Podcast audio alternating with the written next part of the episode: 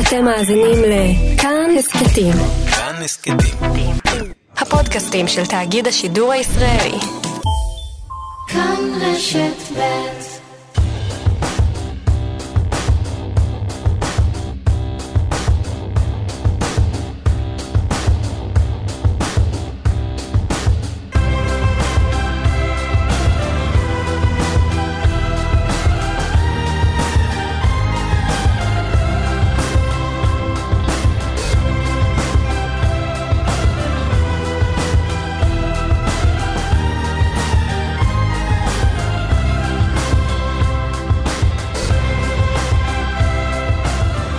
אהלן, בוקר טוב. קורה משהו, בוקר אור, בוקר אור.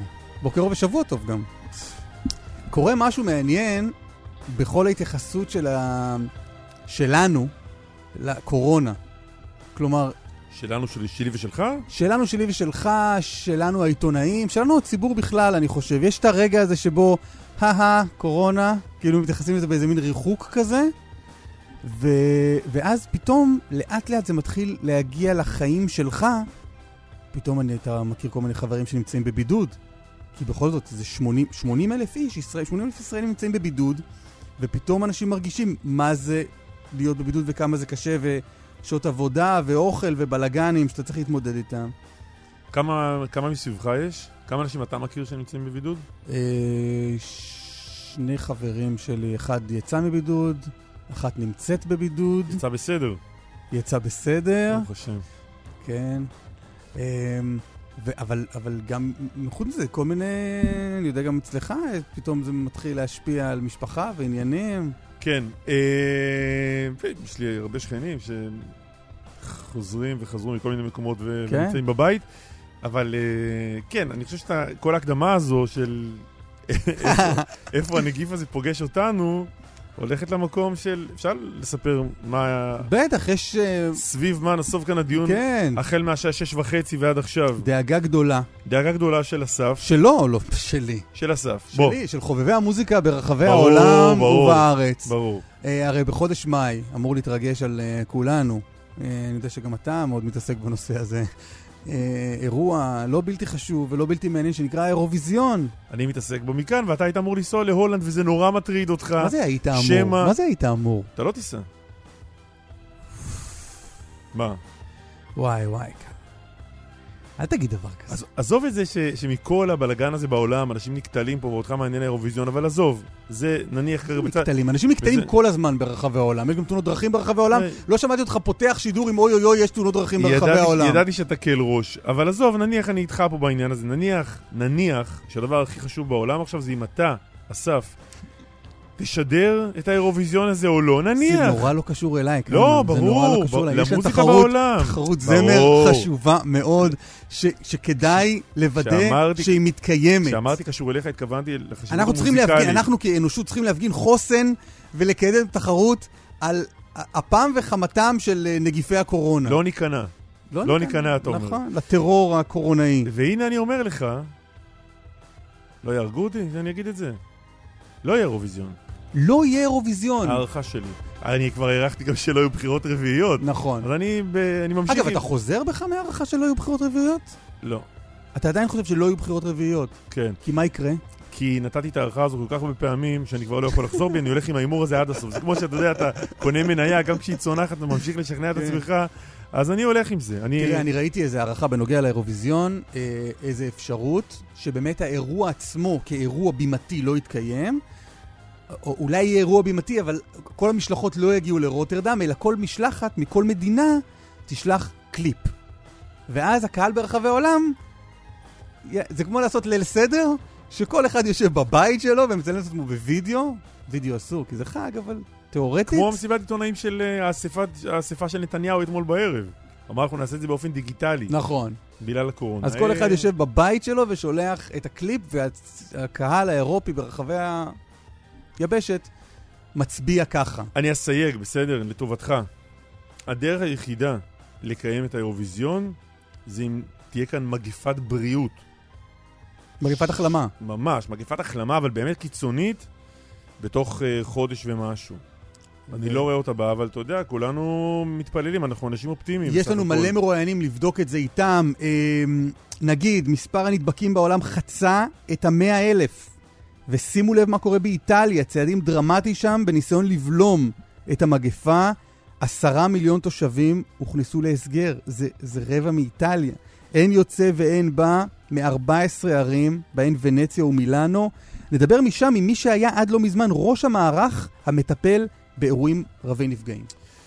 כאן בארץ 25 נדבקים בנגיף הזה, אנחנו נארח את אה, הפרופסור ארנון אפק, המשנה למנכ"ל שיבא, נשאל אותו אם רואים איזושהי מגמה בנוגע להתפשטות הנגיף בארץ, ואם יש שינוי במדיניות בכל הנוגע להתקהלויות ובידוד אה, של החוזרים מחו"ל. פוליטיקה, בני גנץ נחוש להקים ממשלה, כנראה הוא מדבר על ממשלת מיעוט, בתמיכה מבחוץ של הרשימה המשותפת. נתניהו טוען, זו גנבת הבחירות. נדבר עם השר צחי הנגבי ועם חברת הכנסת עאידה תומא סלימאן. וגם ראיון ראשון עם איתמר בן גביר, ששוב לא הצליח לעבור את אחוז החסימה.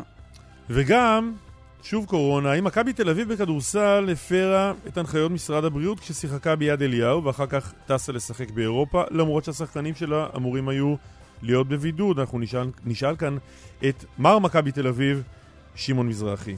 אנחנו כאן עד 10, גם ברדיו, כאן רשת ב', גם בטלוויזיה, כאן 11. אפשר לצייץ אלינו בהשטג קלמן ליברמן, אשר בטוויטר העורך הוא איתמר דרוקמן, המפיקים נדב רוזנצוויג ואלה יגן על הביצוע הטכני יאיר ניומן. שלוש, ארבע ו... דקלה אהרון שפרן, כתבתנו לענייני בריאות, שלום. בוקר טוב. תני לנו איזה חיתוך מצב עדכני.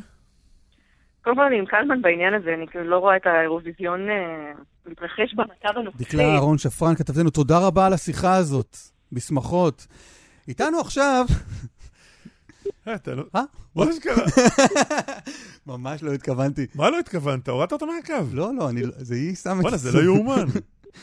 טוב שלא הורדת אותי, טוב שלא הורדת אותי מהקו. אני רוצה... וואי, זה אלימות. לשלוח בזאת אזהרה. וואי. לכל המרואיינים הבאים שלנו והכתבים שאמורים לעלות לשידור. איש אלים. ידע הציבור וייזהר. אני מסכימה עם קלמן, אני מסכימה עם קלמן. וואלה, זה... איזה מין דבר זה? כבר ראיתי אלימות לא כזו. זו אלימות לגלית. וואי, ממש. דקלה איתנו? מי שיכול לשכנע את דקלה לעלות שוב לשידור, אני מבטיח שאני אשלוט בו. יש דקלה? חבר'ה, מה קורה? לא? אנחנו בשידור, הכל בסדר. כן. את יכולה להמשיך מאיפה שהפסקת, או אפילו לחזור על מה שאמרת, הכל יהיה בסדר עכשיו. אנחנו שומעים על עוד ועוד מקרים, וצריך להגיד שכמעט כל, כל החולים החדשים שאנחנו שומעים עליהם במהלך סוף השבוע, שאנחנו באמת מגיעים למניין של 25 חולים בקורונה, כמעט בישראל. כולם היו בבידוד ביתי, בישראל כמובן. וזאת שוב הוכחה נוספת לחשיבות של הבידוד הזה, אה, לכך שהאנשים האלה לא יסתובבו אה, בציבור. אה, אנחנו שומעים על, גם על מקרים מספרד, גם על מקרים מאוסטריה, גם על מקרים נוספים מאיטליה וגם על אישה שהייתה במגע עם קבוצת הצליינים מיוון, אותה, אותם תיירים שהיו כאן וכשחזרו ליוון גילו שהם נשאים של הנגיף. מצבם של כולם קל, אבל אתם אולי זוכרים את אותו גבר ממזרח ירושלים שנדבק בקורונה, נהג כן. האוטובוס, נשיא התיירים. המצב שלו עדיין קשה. הוא מאושפז בבית החולים פוריה, אה, אומרים לנו שם שהמצב שלו יציב, אבל הוא כבר הגיע לבית החולים עם תסמינים נשימתיים קשים ועם דלקת ריאות. אה, אנחנו צריכים להגיד שמדובר בגבר בן 38, לא מדובר כאן בבן אדם אה, מאוד מבוגר, שזה איש, בדרך כלל... איש בריא בסך הכל. איש בריא בסך הכל. הזה. עד האירוע הזה, זה באמת מקרה שהוא לא קלאסי, אה, מקווים שיצליחו בכל זאת אה, לייצב את המצב שלו ולהגיע אה, לנקודה ש, שבה זה ייראה טוב יותר, אבל כרגע המצב שלו באמת לא כל כך טוב. ראש הממשלה אומר אתמול שספק אם הייתה מגיפה כזאת במאה השנים האחרונות, והוא אומר גם שהוא הולך לגייס את חיל האוויר כדי לוודא שתימשך האספקה החיונית לישראל, גם אם תהיה איזושהי בעיה בהעברת חומרי גלם ומצרכים בגלל המצב הכלכלי שנגרם בגלל המשבר. אבל אה, נתניהו גם אומר משהו שהוא לא לגמרי ברור, הוא אומר, יכול להיות שיהיה חופש מורחב לבני נוער, ואז זה יאפשר להם אה, לתרום את, שלה, את שלהם למצב, אה, הוא דיבר על חיטוי, אבל הוא לא אמר למה הוא מתכוון, האם חופשת אה, פורים תתארך, האם חופשת פסח הולכת להיות ארוכ, ארוכה יותר, האם מדובר גם בילדים או רק בבני נוער, לא ברור, אבל הוא אמר שהדבר הזה ייתכן, אה, זה מצטרף לכל מיני אה, קולות ששמענו גם בשבוע שעבר שקוראים להשבית את מערכת החינוך, דווקא מצד אנשי חינוך, שאומרים בואו ננסה לצלוח את המשוכה הזאת ולראות אם, אם בכל זאת כדאי להשאיר את הילדים בבית בינתיים. זה, זה כמובן, זה לא קורה בינתיים. אני כן אומר לכם אבל שיש תסריט שהוא לא מופרך, שלפיו בעוד... זה לא יקרה בזמן הקרוב, אבל אם באמת אנחנו נמשיך לראות המשך התפשטות של הנגיף, ייתכן אה, וידובר על כך שיבקשו מאנשים מבוגרים להישאר בבית לתקופה קצרה מסוימת, כדי לנסות לצמצם את הסיכון, מכיוון ששוב, הסיכון הגדול בקורונה, ככל שידוע לנו, הוא אה, באמת של אנשים מבוגרים ושל אנשים שחולים במחלות כרוניות. דקלה, תודה רבה. תודה. מואב ורדי, ראש תחום החוץ, שלום. אהלן. מה קורה בחוץ? אה, לא משהו. אה, אנחנו מדברים אה, קודם כל על אה, כבר מעל 100 אלף חולי קורונה ברחבי העולם, ויש שני מוקדים ששווה לשים אליהם לב, והשני יהיה הברית, שתכף נדבר עליו, אבל בואו נדבר על איטליה. איטליה... רגע, שנייה, רגע, עוד רגע נגיע לאיטליה הברית. מה קורה בסין? בסין יש... כן, יש אני שואל כי אני זוכר שלפני, לא יודע, שבועיים, הדיבור היה איזה יופי, התמותה וההידבקות שם כל זה במגמת ירידה, והנה האנושות הצליחה והסינים הצליחו להשתלט על הנגיף הזה. נכון. אנחנו מדברים על מצב שבו יש עדיין אה, נדבקים בסין, חדשים, כל הזמן. יש בעצם ארבע שעות האחרונות משהו כמו 45, אה, 27 אנשים שחלו מתו, מתוך האנשים שחלו מתו ב, בימים האחרונים. אבל העניין הוא אחר, העניין הוא קצב ההדבקה וקצב התפשטות המגפה בסין, וזה נעצר. זאת אומרת, יש עדיין חולים חדשים, אבל אם בהתחלה היינו מדברים על אה, אלף חולים חדשים כל יום, חדשים שנדבקים כל יום, כן, האקסטרפולציה הזו, אז עכשיו אנחנו מאוד מאוד אה, מצומצמים במספרים האלה. מספרים מאוד קטנים, במחוז חובי ביממה האחרונה לא מצאו נדבקים חדשים. וזה אומר שמצליחים לעצור את ההתפשטות של המגפה במספרים גדולים, כקנה okay, אוקיי, מידה. אז זה סין. זה טוב לגבי המקור, נכון. העניין הוא שהסוסים כבר מסתובבים ברחבי העולם, הרחק מהאורווה. נכון. בואו בוא ננסה שנייה לשים את הדברים באיזשהו, באיזשהו הקשר אה, רחב יותר. יש אה, שני שלבים למגפה או לטיפול במגפה. אחד זה שלב ההכלה, או הניסיון לעצור התפרצות נרחבת, והשני זה מה אתה עושה אחרי שכבר יש התפרצות נרחבת. העולם עד היום ברובו אה, התנהג במובן של בואו ננסה לעצור, להכיל, זאת אומרת לעצור את ההתפשטות. ישראל היא דווקא טייסט קייס מעולה לזה בשביל, רק בשביל להבין. בישראל אנחנו עדיין במצב שבו מנסים לעצור את המגפה כהתפרצות נרחבת, להכיל אותה. מה זה אומר? שאני יודע עדיין לזהות כל נדבק, כל חולה, עם מאיפה הוא הגיע, מבית או במגע, ולשים את האנשים האלה בבידוד. לכן אנחנו ב-80 אלף אה, אנשים בישראל אה, בבידוד. אה, המושג הכי חשוב בימים הללו הוא המושג שנקרא הדבקה בקהילה. הדבקה בקהילה זה אומר שאני כבר לא יודע לגבי החולה החדש, מי הדביק אותו. הוא כבר נדבק ממישהו שהוא פגש במקרה בסופר או בעבודה או ברכבת, וכבר אין לי שליטה על המקור של ההדבקה מבחינת איתור האנשים שהיו איתו במגע או הדביקו אותו. ואז למעשה אנחנו מדברים כבר על התפרצות נרחבת שאין טעם לבודד עכשיו נוסע שחזר מווינה או, או ממילאנו. ישראל עדיין לא שם, אנחנו בתקופת ההמתנה. גם העולם עכשיו נמצא על התפר הזה. ומה שקורה באיטליה הלילה הוא המעבר הזה במדיניות בין שלב ההכלה והעצירה לשלב ההתפרצות. מה זה אומר? זה אומר שהלילה ז'וזפה קונטה, אה, ראש ממשלת איטליה, מטיל למעשה הסגר על 16 מיליון איטלקים. כל צפון איטליה, במיוחד מחוז לומברדיה, שזה מילאנו, לצורך ההיכרות שלנו, עשרה מיליון תושבים ועוד שישה מיליון באזורים סמוכים, כולל אה, אה, ונציה, נמצאים בהסגר. מה זה אומר הסגר? אחד, אסור להיכנס ולצאת מהמחוז הזה לשאר איטליה, אסור. אתה לא יכול להיכנס למילאנו או לצאת למילאנו או לצאת מלומברדיה או להיכנס ללומברדיה, ואין אירועים, אירועים ציבוריים. אין אירועים ציבוריים כמעט בכלל במחוזות הללו.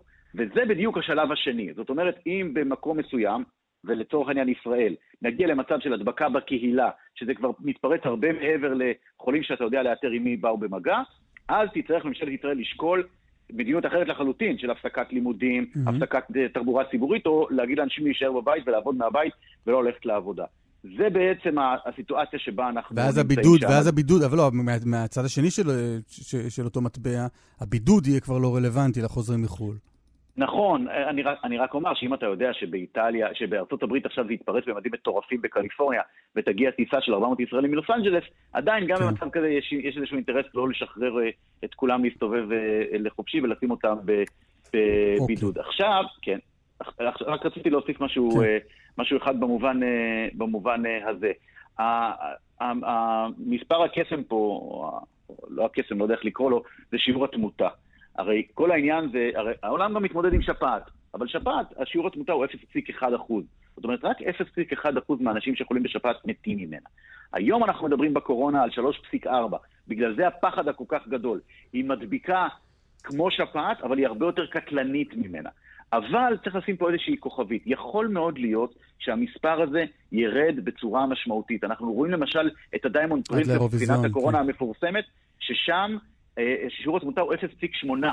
ו-0.8 זה כבר מתקרב לאיזה שהם מספרים ריאליים. תוסיף לזה שאתה מטפל בעיקר באוכלוסייה קשישה ומבוגרת עם, עם מחלות רקע, ושמתחילות אה, להגיע בשלב מסוים, ל- ל- ל- למרבה המזל, אם יהיה לנו בחודשים הקרובים תרופות, לא חיסון, אבל תרופות, אנחנו כבר נמצאים באופרה, באופרה אחרת שהיא לא הדבקה והרג המוני. אוקיי, מואב ורדי, כתבנו, תודה רבה. תודה. בוא נפנה באמת לאיטליה. קדימה. פרופסור אה, אהרון אנריקו מאירוב, שלום. שלום, בוקר טוב, מה שלומכם? אנחנו בסדר, רק נגיד שאתה עד לפני מספר חודשים היית ראש מערך הנפגעים ההמוניים בלומברדיה, היום נשיא ארגון הידידות הדמוקרטי לידידות ישראל-איטליה. תגיד, מה זה אומר ש-16 מיליון אנשים באיטליה נמצאים בהסגר? איך זה נראה? זה נראה שאף אחד אה, לא זוכר ולא ראה ולא הרגיש ולא שמע שום דבר בסדר גודל כזה מאז מגפת הדבר הגדולה מלפני 500 שנה פה. Mm. זה אומר שפשוט אה, אנשים הם בהלם, מפני שהיה די בלבול גדול בהתחלה בנושא ניהול כל העסק הזה. לפני כשלושה שבועות אה, באמת ביקשו מאנשים, כשהמחלה התחילה להתפרץ, לא להסתובב, ואחרי כמה ימים דווקא מספר אנשים, כמו למשל ראש עיריית מילאנו, אמר, מה פתאום לא נסתובב? אנחנו ננצח, אנחנו חזקים, אנחנו עליזים, תלכו ותסתובבו. אז אתם זוכרים את התמונות הראשונות ואת הסרטים הראשונים שכיכר הדואמו היה ריק לגמרי, ופתאום אחרי כמה ימים עוד פעם אנשים התחילו להסתובב, ואז התחילה ההתפרצות הגדולה. זאת אומרת, אתמול נדבקו ביום אחד למעלה מ-1,200 איש, נפטרו כמעט 60 איש, ואז uh, הממשלה נכנסה לסבב החלטות דרקוני. Uh, דיברו על עוצר ודיברו על זה שיש ויכוח בין הפוליטיקאים. אבל בין רק שוב כדי הממשלה. להבהיר, פרופסור מאירוב, זה אומר מה, 16 מיליון אנשים יושבים בבית?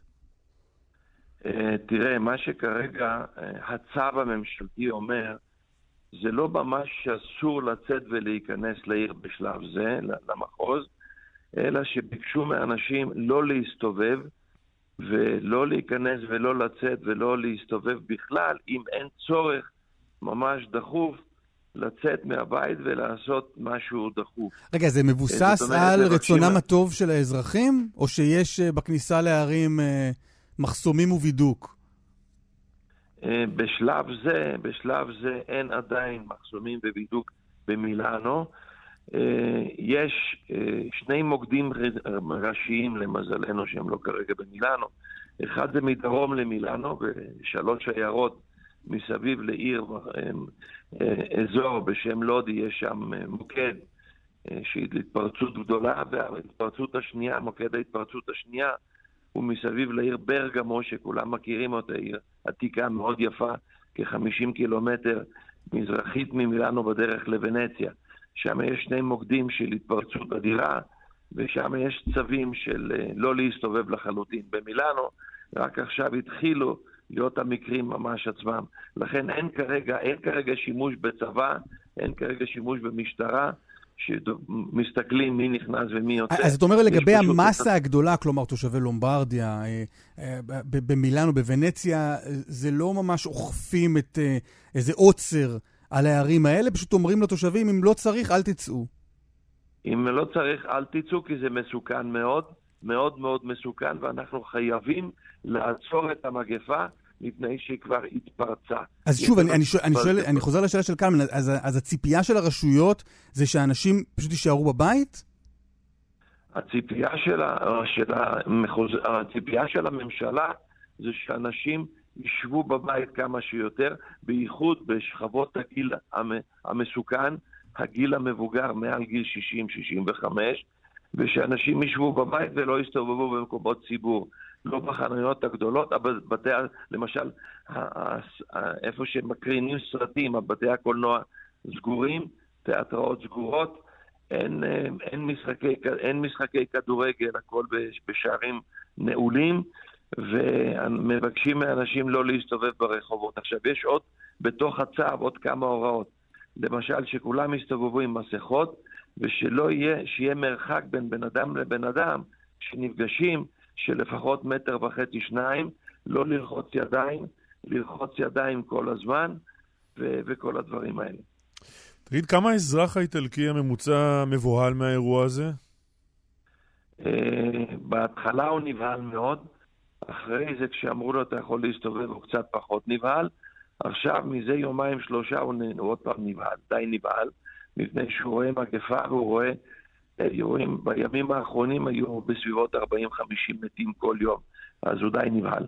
זה אומר מה, סופרמרקטים ריקים, אנשים לא, לא יוצאים? בסוף, בסוף צריך לחיות. אה, אה, לא, לא, תראה, אנשים הולכים לסופרמרקט לקנות, ואנשים הולכים לבית מרקחת לקנות, ואתמול אנחנו עברנו איזה עד איזשהו בית קפה כדי לשתות קפה. אז למשל בית קפה אחד במרכז מילאנו היה כמעט ריק, ובית קפה אחד דווקא בפריפריה של מילאנו היה די מלא. אז כרגע זה עדיין, אה, איך אומרים, בצורה של קצת אנרכיה, יש כאלה שיוצאים ויש כאלה שעוד לא יוצאים. עוד לא ראינו את האפקט המוחלט של הצו של הלילה, שפשוט אמר לאנשים, אנחנו בהסגר, לא הסגר מלא, אין עדיין צבא ומשטרה ברחובות, מדברים שעלולים להשתמש בצבא ובמשטרה, אוקיי. אבל מבקשים כל הזמן בטלוויזיה וברדיו מאנשים לא לצאת, לא לצאת כי זה מסוכן, צריך לאחל את המגפה.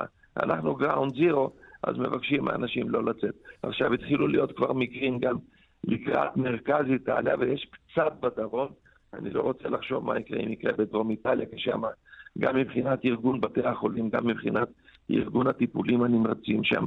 אוקיי. אה, המצב אנחנו נמשיך לעקוב. כמובן אחרי מה שקורה אצלכם. הפרופסור אהרון אנריקו מאירוף, תודה רבה. בריאות. בבקשה, בבקשה, וכל הכבוד על התוכנית שלכם, תמשיכו ככה. תודה מצוין, רבה, תודה. רבה לכם.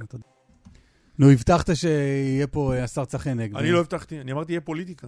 אתה אמרת, יהיה פה צחי הנגבי לא, במפלגה הקרויה הליכוד. קלמן, דיברתי על עצמי עכשיו. אה, סליחה שאני מפריע, אז תמשיכו. פניתי אליי. תמשיכו. אתה אמרת, אסף, שיהיה פה אה, צחי הנגבי, והוא עדיין לא איתנו. אה, לא ברור למה. תענה לו. דרוקמן, אם יש לך מישהו אחר, תביא מישהו אחר. אתה שואל אותי פה שאלות על המסך. בוא, שכל הציבור ישמע. אני, אין לי מה להסתיר. יראה הציבור וישפוט. אתה, אין לך מה להסתיר, אמר אסף לעצמו.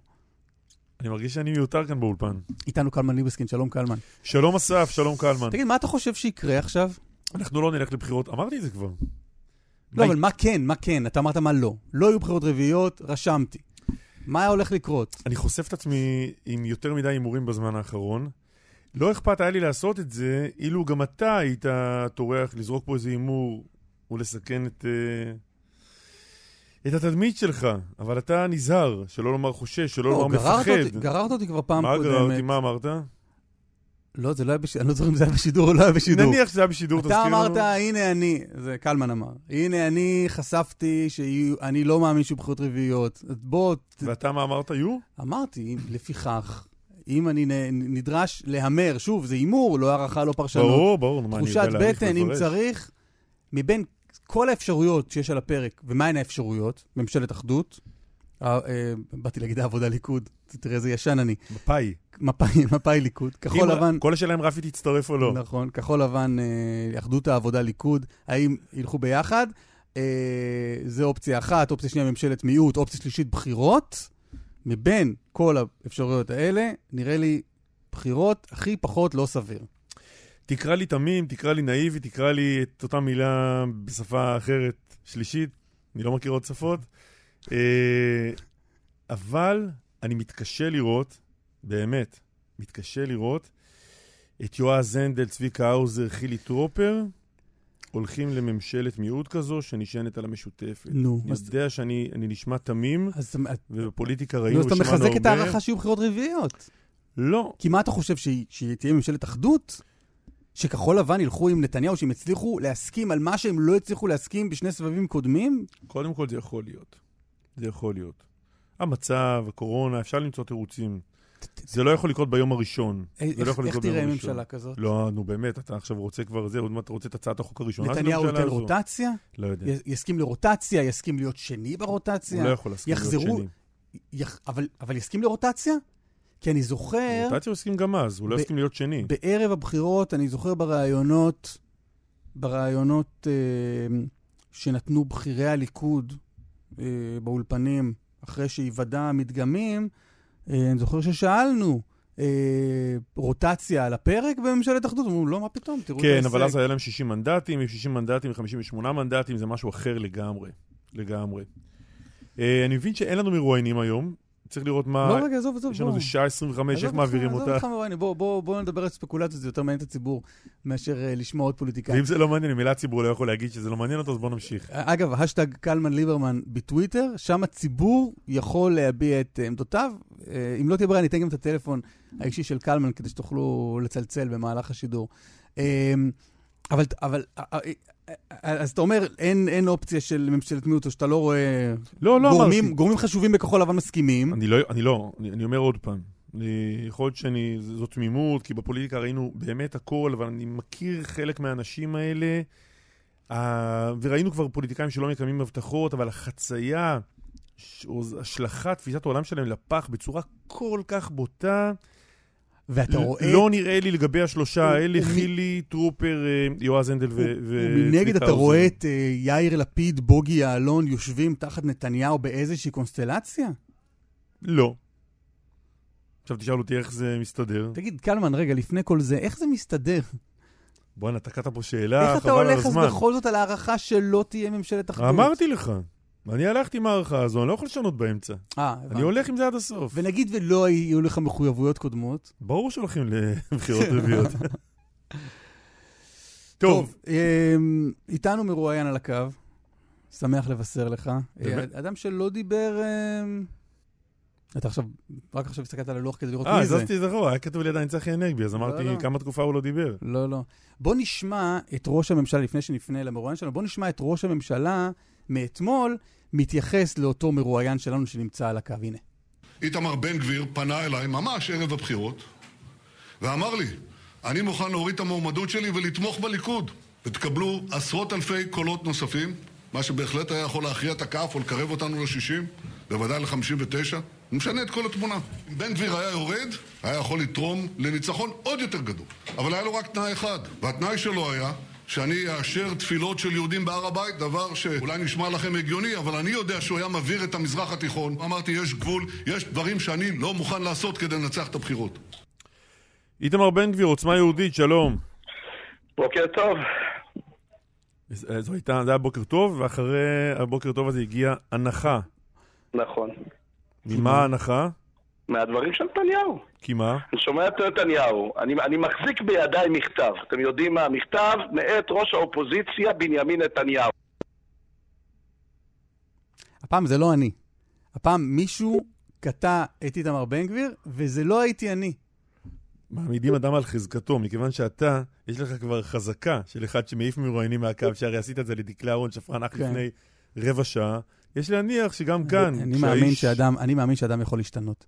ואם אדם עשה מעשה פעם אחת, זה לא אומר שהוא יחזור עליו שוב ושוב ושוב. אתה צריך להוכיח את עצמך, אבל שהשתנית. הנה, אני, אין לי, אין לי גם יכולת לעשות שום דבר כרגע. טוב, אה, איתמר בן גביר, צריך להגיד, איתמר בן גביר ניהל אה, מגעים כאלה ואחרים עם ראש הממשלה, כפי שגם ראש הממשלה עצמו אמר אה, אתמול בערב. אולי, הוא, כן, ראש ממשלה סייג עם מישהו מטעמו, או משהו כזה, נכון? היה שם כן, איזה... בסדר, לא, מטעמו, לא בסדר. מטעמו. היו, היו מגעים, אה, אנחנו זוכרים את רשימת הדרישות של איתמר בן גביר לפני פינוי ח'אן אל-אחמר, אה, בין היתר תפילת יהודים בהר הבית, אה, ועוד ועוד ועוד. ויכול להיות שמה שנשאר מכל הדבר הזה, בסוף מרשימת הדרישות, זה, זה דרישה אחת בעצם, תאפשר ליהודים לעלות להר הבית. איתמר בן גביר איתנו? כן, כן, זה, זה הלך ככה, חברים. כן. זה היה, הצעתי את זה, אז הם אמרו לי, זה יביא את המזרח התיכון. רגע, על מה אתה מדבר עכשיו? על תפילה בהר הבית. אוקיי. רגע, מול לי, מי זה מי. זה- מי זה הם, רק תגיד? אה, ניהלתי משא ומתן עם הליכוד. מי זה הליכוד? אה, בכירים בליכוד, נו. אחד מהם היה מיקי זוהר, בוא, בוא, בוא נגיד... והשני? אה, אה, לא משנה, בואו, חבר'ה, זה בכירים בליכוד. מדהים שעוד נשארו לך קלפים שעוד לא חשפת אחרי שפרסמת שיחות טלפון ומכתבים וסמסים. פרסמתי שיחת טלפון, בוא בוא, הדמגוגיה הזאת היא גם, אסף יקירי. אה, פרסמתי שיחת טלפון אחת. הדמגוגיה הזו, אסף יקירי. שמעת את המשפט הזה? כשנתן אשל שיקר, ואמר שאמרתי משהו שלא היה נכון, ולכן אני, בוא, אני לא ילד הכאפות של הליכוד. הם לא יגידו עליי שקרים ואני אה, אשב בצד ואגיד... אה, אוקיי, אז היית מוכן לחזור ולחשוף רק את שמו של אה, של מיקי זוהר בהקשר הזה? ולא של השני, אוקיי. נכון, וה- ואז, ואז הציעו לי, ואז אמרו, ואז אני יותר נכון, אמרתי, טוב, לא תפילה, בואו, תפתחו את הר הבית בשבת. אמרו לי, לא, זה יבעיר גם את המזרח התיכון. כאילו, אני לא מבין, ביום ראשון אפשר לפתוח את הר הבית, ביום שני לפתוח את הר הבית, ביום שלישי את הר... בשבת לא, כי זה יבעיר את המזרח התיכון. כל השאלה אם אתה יורד מריצה או לא, עמדה על השאלה אם הר הבית ייפתח בשבת ליהודים או לא? נכון, נכון. ואז עברתי לפרוטקשן לחמאס. תשמעו, תבינו, לא, לא רציתי לא תפקידים, לא ג'ובים, הייתי מוכן ללכת אחורה עם שני מיליון שקל חובות, תנו לי משהו אידיאולוגי.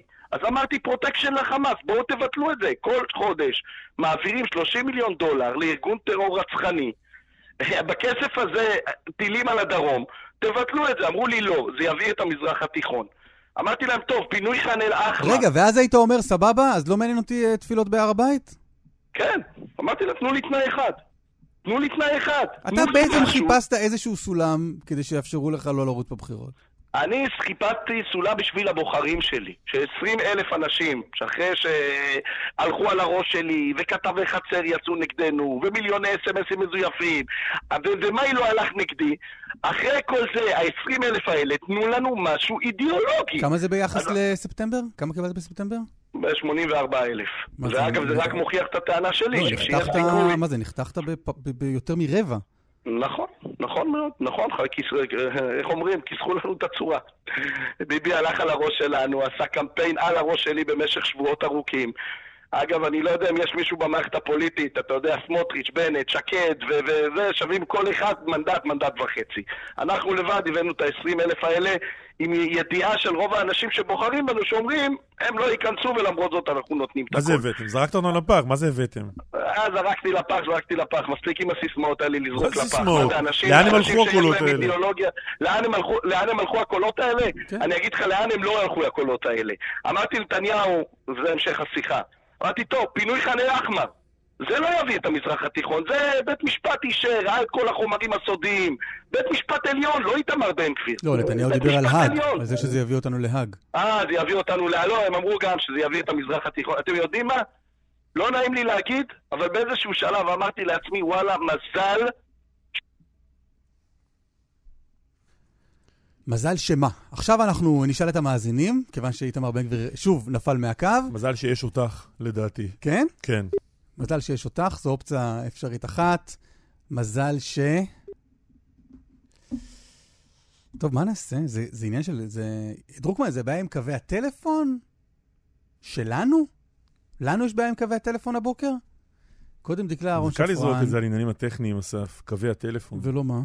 ולא להתבונן פנימה, לעשות חשבון נפש, ולשאול אולי, אנחנו, או חלקנו, חלקנו, תראה, אני לא אהבתי את איתמר בן גביר מהקו. זה... זה אני יכול להבטיח לך.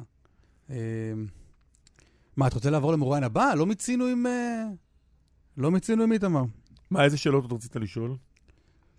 חובות, קודם כל. האם הוא נשאר עם חובות? כמה חובות? שני מיליון, הוא אמר. הרי בניגוד לפעם קודמת, אה, הוא לא מקבל לדעתי שום דבר נכון, כי הוא לא ממפלגות. הגיע, אני חושב, לרף שממנו מה מקבלים. הוא הולך לעשות עם שני מיליון שקל? אני, אם הייתי בחובות של שני מיליון שקל, לא הייתי עולה לשידור ברדיו, הייתי יושב בבית, שובר את הראש, איך אני יכול... אלא אם כן עולה לשידור בניסיון לתת מספר חשבון בנק, שהקהל שתומך בו ושומע אותנו, אה, מה, אתה נותן לו רעיונות? הוא עוד. יחזור ועלול פה לעשות עלינו שירות רום. קודם כל שיעלה. טוב, אה, השר לשיתוף פעולה אזורי, איש הליכוד, צחי הנגבי, שלום. מה עם משרד החקלאות? כבר מחקת אותו. אה, שר החקלאות, צחי הנגבי. ושיתוף פעולה אזורי. ושיתוף פעולה אזורי. מה- מה- מה קודם? מה יותר? את מי אתה אוהב יותר? את השיתוף פעולה האזורי או את החקלאות? אתה רוצה שאני אבחר בין שני הבנים שלי? זה לא אפשרי. הבנתי. אל, אל תעשה, אם אפשר, רק בקשה, אל, בלי הפוגות יותר מדי גדולות בין השאלה לבין התשובה, כי אנחנו באיזה חרדת נטישה, שכל המורים נופלים מהקו, אז בוא, בוא, בוא תראה לנו כל הזמן נוכחות, בסדר? אני אדבר בקצב הכתבה. מה אתה יודע על הסיפור הזה שמספר איתמר בן גביר, שאומר שהסיפור נפל על הר הבית? גם נתניהו בעצם אומר, אומר את זה אתמול. הוא לא הכחיש אותו, וזה מעיד על כך שהסיפור שראש הממשלה סיפר היה אמין. אתה חושב, אה, מה, מה דעתך על אה, תפילת יהודים בהר הבית? בזמן מן הזמנים אני מניח שנסדיר גם את הנושא הזה. זכיתי להיות השר, שר לביטחון הפנים ב-2003, שפתח את הר הבית אה, בכוח אחרי שנים שהיה וטו של ערפאת על תפילת אה, ועל כניסת יהודים להר הבית. גם אז הזהירו אותנו מתבערה בכל המזרח התיכון, זה לא קרה, מאז אה, מאות אלפי יהודים עלו להר ועוד יעלו מיליונים. זה נכון שהסוגיה של תפילה שם על פי פסיקת בג"ץ היא יותר מורכבת ובעייתית, גם זה יגיע, אבל טוב שזה לא מגיע בהקשר של בחירות, כי זה היה אה, מסוכן מדי. זה לא מגיע בהקשר של בחירות, זה גם לא מגיע בהקשר, בהקשר ש, של לא בחירות. לא, אני שואל, שואל כאיש, כאיש ליכוד, זה לא מעניין. עלינו אתה- המלאכה לגמור, אבל אין לנו פטורים ממנה, ולכן צריך להמשיך ולתבוע את הדבר הזה. בהזדמנות אתה אומר, לא עכשיו. ש- אמת. מתי תבוא ההזדמנות הזו? היא תגיע. שאלו הרבה שאלות על הרבה הזדמנויות, בסופו של דבר הן מתגשמות. אמר, אה, סבלנות. אמר ראש הממשלה אתמול, אה, מה שעושים עכשיו בכחול לבן ובליברמן, זו גנבת בחירות. תראה, מה שנתניהו למעשה אומר, אה, הוא הרי אוהב מה שנקרא sound bites. בשתי מילים, לתאר בעיה מורכבת, כדי שכל אדם מן השורה ומן היישוב יבין. אם ננתח את הדברים, בסך הכל מה שהוא אומר זה כך. ואני חושב שכל אדם הגון, גם מימין וגם משמאל, לא יכול להכחיש את זה. יש בשבוע האחרון שתי התפתחויות מקוממות. האחת, שמנהיגי כחול לבן וישראל ביתנו, אתם עצמכם ציינתם את זה, התחייבו בפני בוחריהם להימנע מהקמת ממשלת מיעוט בתמיכת הרשימה המשותפת. גם אתם שאלתם את המרואיינים מהמפלגות האלה שאלות חדות ונוקבות. התשובות שלהם היו מפותלות, אבל בלית ברירה בסופו של דבר הם נאלצו להתחייב שזה לא יקרה. אנחנו רואים שזה כרגע לפחות אופציה. אם כי רק לשם ההגינות, אני יודע, אני, אני באופן אישי ראיינתי את אה, בני גנץ יומיים לפני הבחירות בכאן 11, שאלתי אותו לגבי ההיתכנות של התרחיש הזה, הוא אמר, אה, זה תרחיש אה, תיאורטי, אחד מיני רבים. נכון. תראה, בסך הכל הרי כשאנחנו אמרנו לא תהיה ממשלה של גנץ בלי טיבי, זה לא היה המצאה, זה מתמטיקה. אבל הם רצו לברוח מן התוצאה המתמטית כדי לקבל ולהונות בוחרים. הדבר השני, המקומם כשלעצמו, זה שהם שוקלים באמת ובתמים לתמוך ביוזמה של אחמד טיבי לחוקק כבר בשבועות הקרובים חוק רטרואקטיבי, פרסונלי, שבפועל המשמעות שלו שהוא לוקח שני מיליון וחצי פתקים של ישראלים שתמכו בנתניהו כשהם ידעו שהמצב המשפטי מאפשר לו להיות ראש ממשלה, ולשרוף את הפתקים. ועל זה אומרים אנשי כחול לבן, זה לא יהיה בכנסת הזו, כדי שבאמת זה לא יהיה רטרו, רטרואקטיבי, אה, אלא יהיה בכנסת הבאה, וכל מצביע שילך להצביע ידע בפני מה הוא ניצב. לכן החוק הזה הוא פחות אה, מקומם אותי, יותר משעשע אותי. כי הוא באמת, מבחינה מוסרית הוא מביש, מבחינה משפטית הוא מופרך, אה, אבל מבחינה פוליטית הוא חסר משמעות. כי אם הם מכילים אותו בכנסת הבאה, כמו שהם מבינים שאולי אין ברירה, כי להכיל אותו רטרואקטיבית זה דבר שאין לו כנראה היתכנות, אז מה זה בכנסת הבאה? זה אומר שבכנסת הבאה, למעשה, הציבור יעצים את הכוח של נתניהו, כדי שיהיה לו רוב לבטל את החוק החצוף הזה כבר ביום הראשון לא, רגע, הכנסת תסביר. רגע, למה, למה חצוף? יש רוב בכנסת למפלגות שחושבות שנתניהו צריך לסיים את תפקידו. כלומר, רוב בעם חושב אין בעיה, שנתניהו צריך שיקימו לסיים את... ממשלה. צריך לסיים את תפקידו. לא, אבל אני שואל אותך לגבי... שיקימו למה לא להפוך את ממשלה. ואז למה, נתניהו לא יהיה ראש למה. לא לתרגם את זה לחקיקה? כי זה כביש למה, עוקף. למה לא להגיד, למה לא להגיד יש פה רוב לכאלה שחושבים שראש ממשלה לא יכול לכהן תחת כתב אישום? למה שזה לא יהפוך לחוק? התשובה היא ברורה, למה באמת הם לא מקימים ממשלה? ומנסים באמצעות חקיקה רטרואקטיבית, פרסונלית, לעשות דבר... עזוב את החקיקה לא, הרטרואקטיבית. למה? למה הם לא אני עושים שואל את אותך, האם החוק הזה הוא חוק לא לגיטימי? ומה לא לגיטימי בו? החוק הוא סופר לא לגיטימי. תסביר למה. ש... אני מסביר, מכיוון שלא לחינם החוק הזה קיים. הרי הוא קיים בניגוד לא, לאינסטינקט שלנו. האינסטינקט שלנו אומר שאם אדם הוא חשוד, קל וחומר נאשם, שיתכבד וילך להיאבק על חפותו. וכשהוא יצא זכאי, כמו הרבה מאוד שרים וחברי אבל אם רוב הציבור רוצה לשנות את החוק, הוא יכול לא, לשנות את החוק. לא כפי, רוצה אגב, שראש. הממשלה עצמו, נתניהו, לפני שהיה ראש ממשלה, ב-2008, תמך באותה חקיקה בדיוק. רוב הציבור לא רוצה לשנות את החוק, והראיה... הנה, נציגיו בכנסת, אבל... אה, לא, אז אני מסביר. נציגיו בכנסת רוצים ש- לשנות את החוק, אז כנראה שהוא רוצה לשנות את החוק. אבל בואו נעשה רעיון שמאפשר גם להגיב. רעיון יפה. תודה. רוב הציבור לא רוצה לשנות את החוק, מן הטעם שהמפלגות האלה שעכשיו רוצות לשנות את החוק, ובראשן ליברמן, אמרו ההפך לבוחרים שלהם. אמר ליברמן, אני לא אאפשר חוק פרסונלי. ולכן שבעה המנדטים של ליברמן הם אנשים שלא הסכימו לשנות את החוק.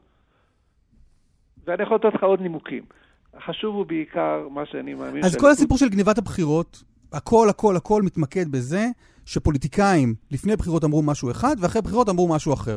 זה הסיפור? זה, האמת, זה פחות מטריד אותי. תראיין את ראש הממשלה, יסביר לך מה, מה הוא התכוון, אני הסברתי לך מה לדעתי הוא התכוון. מה שבעיניי הליכוד צריך לעשות, זה דבר מאוד מאוד פשוט. קודם כל, להבין מה קרה בבחירות. מה שקרה בפועל זה שלמעשה הבוחר הישראלי חיזק אותנו, וחיזק את גוש הימין, אבל לא נתן לנו מספיק כוח להקים ממשלה. הבוחר החליש את כחול לבן, וגם את השמאל, אבל לא נתן להם אה, כוח פחות, ולכן עדיין בלעדיהם אי אפשר להקים ממשלה. זאת אומרת, אם אנחנו, מי שלא רוצה בחירות נוספות, שהתוצאה כנראה תהיה אותו דבר, ומי שמסתייג מממשלה שהקיום שלה בפועל תלוי בחסדי טיבי ואיימן עודה, צריך להבין שחייבים להקים ממשלת אחדות. עכשיו, איך אפשר להקים? רק אם כחול לבן יחזרו בהם משני תחומים שבהם הם הטילו וטו. אחד, הם צריכים להבין שביבי נתניהו לא הולך לשום מקום, הוא המנהיג הבלתי מעורב אבל כאן הם יגידו לך. את ה-33 מנדטים קיבלנו על זה. הלכנו לבוחר ואמרנו לו, אחד מהדגלים שלנו, אנחנו לא נשב עם תחת ממשלה של מישהו שהוגשו נגדו כתבי אישום. אתה אומר חקיקה לא טובה? לא חקיקה, אבל הם הבטיחו לא לשבת איתו או תחתיו. אז מה אתה, אוקיי, מה אתה מבקש הם- מהם? אז, אז הם צריכים להגיד לציבור, אני לוקח אתכם לבחירות רביעיות. כי אין לזה חלופה. כי אני אומר לך שהדבר הכי טוב לליכוד, קלמן, זה שהם ילכו להקים ממשלת מיעוט עם ליברמן ועם הרשימה טוב, אז תן לנו רגע את את המתווה שלך. אז אה, כן, רוטציה לראשות הממשלה? זה מה שאתה אני מציע לא כרגע? נכנס כרגע לפרטים. אני אומר, לא, שני דברים הם פרטים. צריכים להבין שהם לא יכולים להיות. אחד, הם לא יכולים להטיל וטו על נתניהו. שני, הם חייבים לחיות בשלום אוקיי. עם החוק שמאפשר לנתניהו, כפי שיוסכם אוקיי. בין הצדדים, לעמוד בראש הממשלה גם במהלך משפטו. שר החקלאות. ברגע שהם חיים עם זה, הם למעשה מצילים את עצמם. כי אם הם הולכים לממשלה עם אחמד טיבי ועם ליברמן, זאת תהיה הממשלה הכי קצרה בתולדות מדינת ישראל, יותר קצרה אפילו מממשלת הבזק של, נתנ... של אהוד ברק. אוקיי. הם יקרסו, הם ייעלמו מהמפה הפוליטית בבחירות הבאות, לא שזה אכפת לי. אם אנחנו לא נסיים את הרעיון כאן, אנחנו נעלה מהמפה. אה, השר צחי הנגבי, הליכוד, תודה רבה. תודה רבה, תודה. תודה לכם.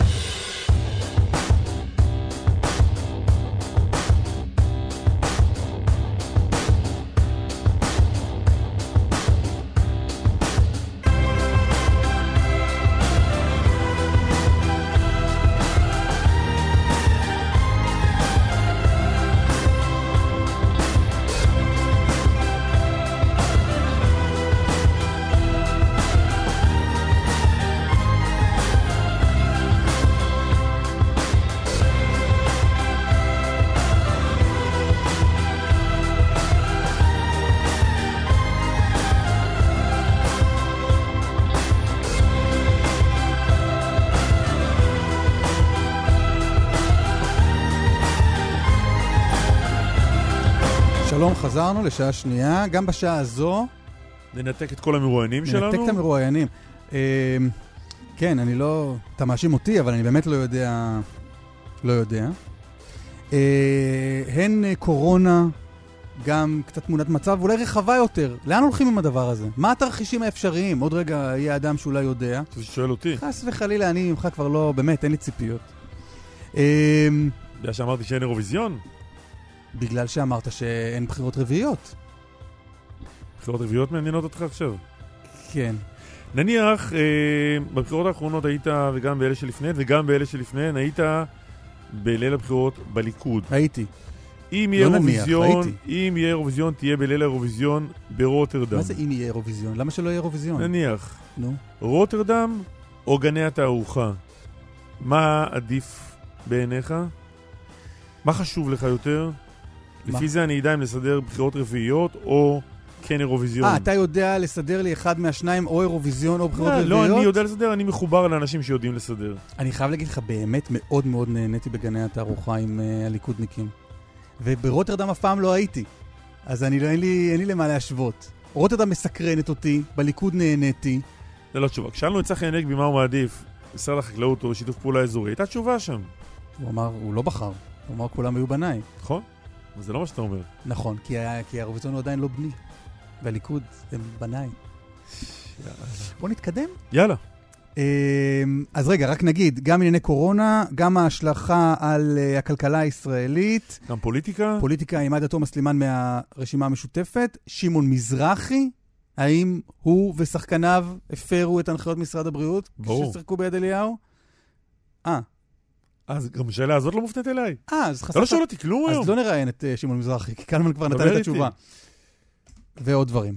טוב, אה, נגיד שלום למרואיין הראשון. קדימה. פרופסור ארנון אפק, שלום. שלום, בוקר טוב. המשנה למנהל המרכז הרפואי שיבא, מנכ"ל משרד הבריאות לשעבר. שואל אסף ליברמן, לאן אנחנו הולכים? במקרו, בוא נעזוב רגע את המבודד הספציפי, אלא נסתכל קדימה, שבוע, חולה שבועיים, 25, חודש. אולי חולה 26 מתישהו, בידוד, בוא, תמונת מצב רחבה. תראו, ב...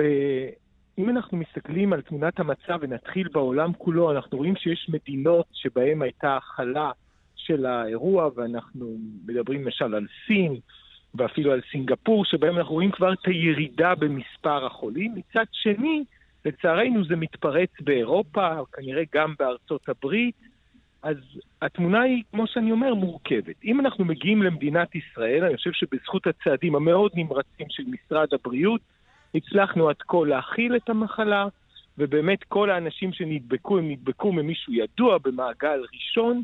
אנחנו נשתדל ככל הניתן להמשיך בדבר הזה, ולא לעבור לשלב הבא, שהוא ידרוש מאיתנו למעשה הורדה של מספר הנדבקים על ידי צעדי בידוד נוספים. אגב, פרופסור אפק, כשאנחנו מדברים על 25 חולים, אה, יש כאלה שכבר יצאו מהמחלה הזו? בהחלט. גם, קודם כל בעולם כולו, מעל לא, לא, 55. אצלנו, אני מדבר על ה-25 שלנו. רגע. אתה יודע, אבל אתה צודק, דקה, מיד אני אגע בזה, אבל צריך להסתכל גם בתמונה העולמית. נכון שנדבקו מעל 100 אלף, אבל כבר 55 אלף החלימו. אז זה מאוד חשוב. לא, אבל פה, מה שקלמן שואל, 25 כן, כן, חולים רגע. מסתובבים בינינו, או לא, לא, לא. שעד קודם כה... כל, אף אחד... דקה. אף אחד לא מסתובב בינינו, כולם נמצאים כרגע בבתי החולים, רובם במרכז הרפואי שיבא, ואחרים גם בבתי החולים האחרים קלטו את החולים. החולה היותר קשה מצוי בפוריה, והצוות בפוריה נותן לו טיפול מצוין. ברחבי הארץ יש 25 חולים סך הכל, או ש-25 רגע, חולים עד. עכשיו? עד עכשיו שלושה החלימו, נשארו 22. 22, ואני אומר שרובם בשיבא, אבל גם בבתי חולים רבים אחרים ישנם חולים. החולה בפוריה הוא באמת החולה היותר קשה, הוא מטופל היטב בצורה ממש מצוינת על ידי הצוות של פוריה, וגם אנחנו הצענו להם, אם יצטרכו, מטעם המרכז הרפואי שיבא, אוקיי. לסייע להם בכל הניתן. פרופסור אפק, מה התרחישים האפשריים למכאן והלאה? מבחינת לוחות זמנים, מבחינת מדיניות משרד הבריאות, לאן הולכים מפה? אנחנו נשתדל להמשיך בשיטה הנוכ- הנוכחית, קרי- קרי שיטת ההכלה, ככל הניתן. מה, מה אנחנו מתכוונים? למצב שבו אנחנו נצליח לאתר כל אה, חולה, כל חולה לראות מי המגעים שלו ולהכניס אותם לבידוד. זה מאוד אפקטיבי, ואם אתה נוקט את זה בשלב מוקדם, כמו שנקטנו במדינת ישראל, ובאמת כל הכבוד למשרד הבריאות על המדיניות הזאת, אתה מצליח בסופו של דבר לפחות לאחר את ההתפשטות של המחלה במדינת ישראל. כל מי שכרגע חולה בישראל או נדבק בחו"ל, או זה מעגל ראשון שהיה איתו במגע. טוב, אסף נתן לך שאלה פתוחה מדי על... אה, כשהוא שאל מה התסריטים האפשריים, אני אנסה לצמצם את זה. מה התסריט הטוב, נגיד לעוד חודש כשנדבר איתך, איפה נהיה, בתקווה שדברים, לא יודע איך, אבל ילכו למקום טוב? אז קודם כל, אה, בתסריט האופטימי, ואני תמיד משתדל להיות אופטימי אך זהיר, אנחנו נוכל להמשיך במדיניות הקיימת, להכיל את המחלה, לגלות את כל המגעים, לעשות להם תחקיר אפידמיולוגי, ותוך כדי תהליכי בידוד, נצליח להשתלט על המחלה כמו שהיא. בתרחיש האופטימי שלך, אין בעוד חודש חזרה לשגרה מלאה? אתה יודע, הנבואה ניטלה מעם ישראל. לא, תרחיש די אופטימי. מזמן, ואני, אה, ואני בוודאי קטונתי מלהיות לא, נביא. אני לא מבקש ממך התחייבות להאמין. לזה שבעוד חודש אה, יהיה כאן רגיל. האם יש תרחיש כזה שבעוד חודש יהיה סבבה, שגרה? א', תמיד אנחנו יכולים לקוות. התשובה לצערי היא לא, לא בגלל מדינת ישראל, בגלל שהווירוס הולך ומתפשט בעולם. אני עדיין רוצה לקוות, ואני לא יודע, אה, אבל אני כן רוצה לקוות שבמהלך הקיץ באמת תהיה פחות הדבקה. זה משהו שאנחנו כולנו מקווים, אבל באמת באמת לא יודעים. אבל איך זה יקרה? כלומר, מה... מאיפה תבוא רוח הבריאות? אה, זה בא מהשאלה... עכשיו מסתובבים הרבה. אנשים בעולם ומדביקים אחד את השני, אנחנו רואים. נכון. אז, אז אתם איך זה אמור. להיפסק? אתם צודקים. הבעיה המרכזית היא בעצם בהדבקה. זאת אומרת, כמה כל אחד שחלה מדביק אנשים. המטרה בבידוד היא להוריד את זה פחות מאחד, ואז אתה למעשה עוצר את המגפה. סין הצליחה בשיטה הזו לעצור את המגפה, ועכשיו איטליה מנסה קצת מאוחר, לצערי, באמת להכיל את המגפה הזו ספציפית. עם הזמן, אני מקווה, א', נמצא אמצעי טיפול יותר יעילים, מה שיש לנו כרגע, חיסון, וגם יכול להיות שבטבע המגפה היא תדעך. אבל כל הדברים האלה הם באמת משהו שקשה כרגע לנבא אותו, ולכן צריך כרגע לנקוט בכל אמצעי הזהירות ולהתכונן זה גם ברור. אז לשלב אז אתה אומר. מה, עוד אה, חודשים אנחנו ממשיכים בשגרה הזאת? אה, לצערי, בהחלט יכול להיות מצב כזה שאנחנו נצטרך להתרגל אה, לשיטה ולהמשיך בעיקר לפעול ולעקוב אחרי הנחיות משרד הבריאות כי הן נכונות, וראו מה קורה באיטליה שלא נקטו בגישה ואם שלה. היית צריך להעריך בנוגע לתחרות הזמר האירופית, זה היה כתוב לך על המצח בתחילת הרעיון שלשם זה הולך. שמתקיימת בחודש מאי ברוטרדם, הולנד, האירוויזיון, יתקיים או לא יתקיים? תראו, אני חושב שאנחנו כולנו צריכים לעשות איזה סו- סווי- סוויץ' בראש, ולהתחיל לחשוב האם לא הגיע הזמן להתאים את עצמנו אולי לסיטואציה כמו שהיום, שתמשיך, ואז אולי צריך לעשות את זה בצורה אחרת. לא תמיד צריך לעקוב אחרי מה שהיה בעבר, והאם זה יקרה או לא יקרה, אנחנו לא יודעים. אבל אני בטוח שמארגני האירוויזיון צריכים לשאול את עצמם למשל את השאלה, האם אין היום אמצעים מתקדמים שאפשר להשתמש בהם, אינטרנטיים. ניתן לכם דוגמה, גם כל קופות אחד ישיר החולים, בבית. גם קופות החולים. למה אתן בציבור? סליחה, שכל אחד, שלי. אתם רוצים אירוויזיון? תעשו את זה בבית שלכם. רגע, אבל אפשר לייצר את הפגישה לא רק פיזית, גם וירטואלית, לפחות אולי לתקופה הקרובה. עכשיו, בארץ כבר עשינו את זה.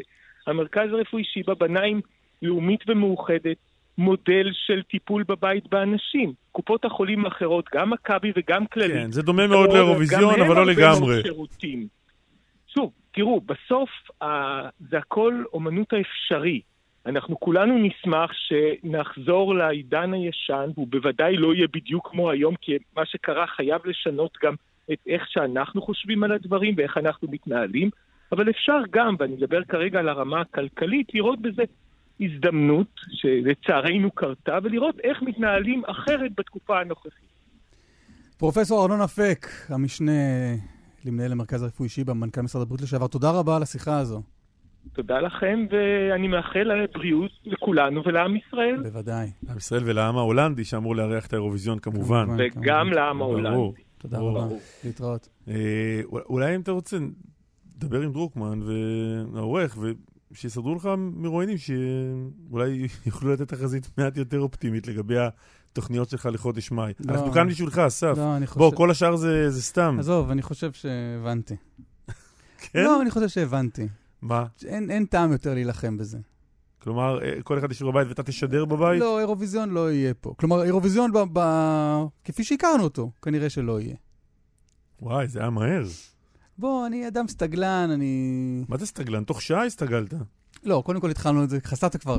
כן, התחלנו עוד קודם. אבל בשבע וחצי לא, בבוקר היית ברבאק לא, של... לא, גם אה, יותר מזה, גם יותר מזה. כבר שבוע אני יושב על... אה, גם מדבר עם אנשים, גם גם יושב על האינטרנט, מחפש... אה, זה, אני מבין מה, ש... סתם למדת מי זכה במקום הרביעי ב-1973? לא, קודם כל לא סתם, זה היה מעניין.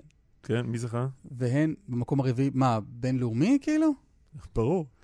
אני לא יודע להגיד לך. אתה יכול להמציא, אף אחד לא יוכל להגיד לך שזה לא נכון. ג'ורג' המורטו. שנתן שם הופעה חבל על הזמן. כן. אה, הטעות שלו הייתה שהוא שר בשפתו ולא באנגלית. טוב, אה, ליאל קייזר, כתבתנו אה, לענייני כלכלה, שלום. שלום, בוקר טוב. נציגת העם ההולנדי, אגב. אה, נכון, אתה- נכון, וואלה, איזה חיבור, יא אללה. ממש, אני יכול להעיד, מכיר את משפחתה ההולנדית, טוב, ממש. אז את- אתם ההולנדים, מה אתם חושבים, יהיה או לא יהיה אירוויזיון? תראה, אנחנו חושבים שיהיה אירוויזיון. אה, אסף יארח אותו בביתו, אה, ותהיה היערכות כלכלית מיוחדת בעניין. עד שמונה אנשים, אה, לפי ההנחיות של משרד הבריאות, שבטח ילכו ויקטינו את כמות האנשים שיכולה לשבת ביחד. טוב, אנחנו מדברים על... אנחנו לא ידועים בנדיבות, אנחנו ההולנדים. עד שמונה אנשים זה זה בסדר גמור מבחינתנו. זה גם על חשבוני, מה זה נדיבות שלכם. כן, מה, מה קורה מבחינה כלכלית? אה, הקורונה ואנחנו. הקורונה ואנחנו. אז קודם כל, אה, בואו, אנחנו רואים עוד ועוד אה, הגבלות, עוד ועוד אה, איסורים שהמדינה מטילה, עוד ועוד אנשים שנכנסים לבידוד. הסיפור הזה מפסיק להיות, אה, אם באיזשהו שלב זה עוד היה משעשע, אנשים רצו להיכנס לבידוד, אה, מדינת ישראל מתחילה להבין שהנזק הכלכלי אה, מהאירוע הזה הולך להיות גדול מאוד. בואו נגיד שבמשרד האוצר, כשמדברים ובוחנים איזה צעדים אפשר לעשות כדי לעזור לעסקים הישראלים להחזיק את הראש מעל המים, אז פונים לסל הכלים שהשתמשו בו במשבר הכלכלי ב-2008.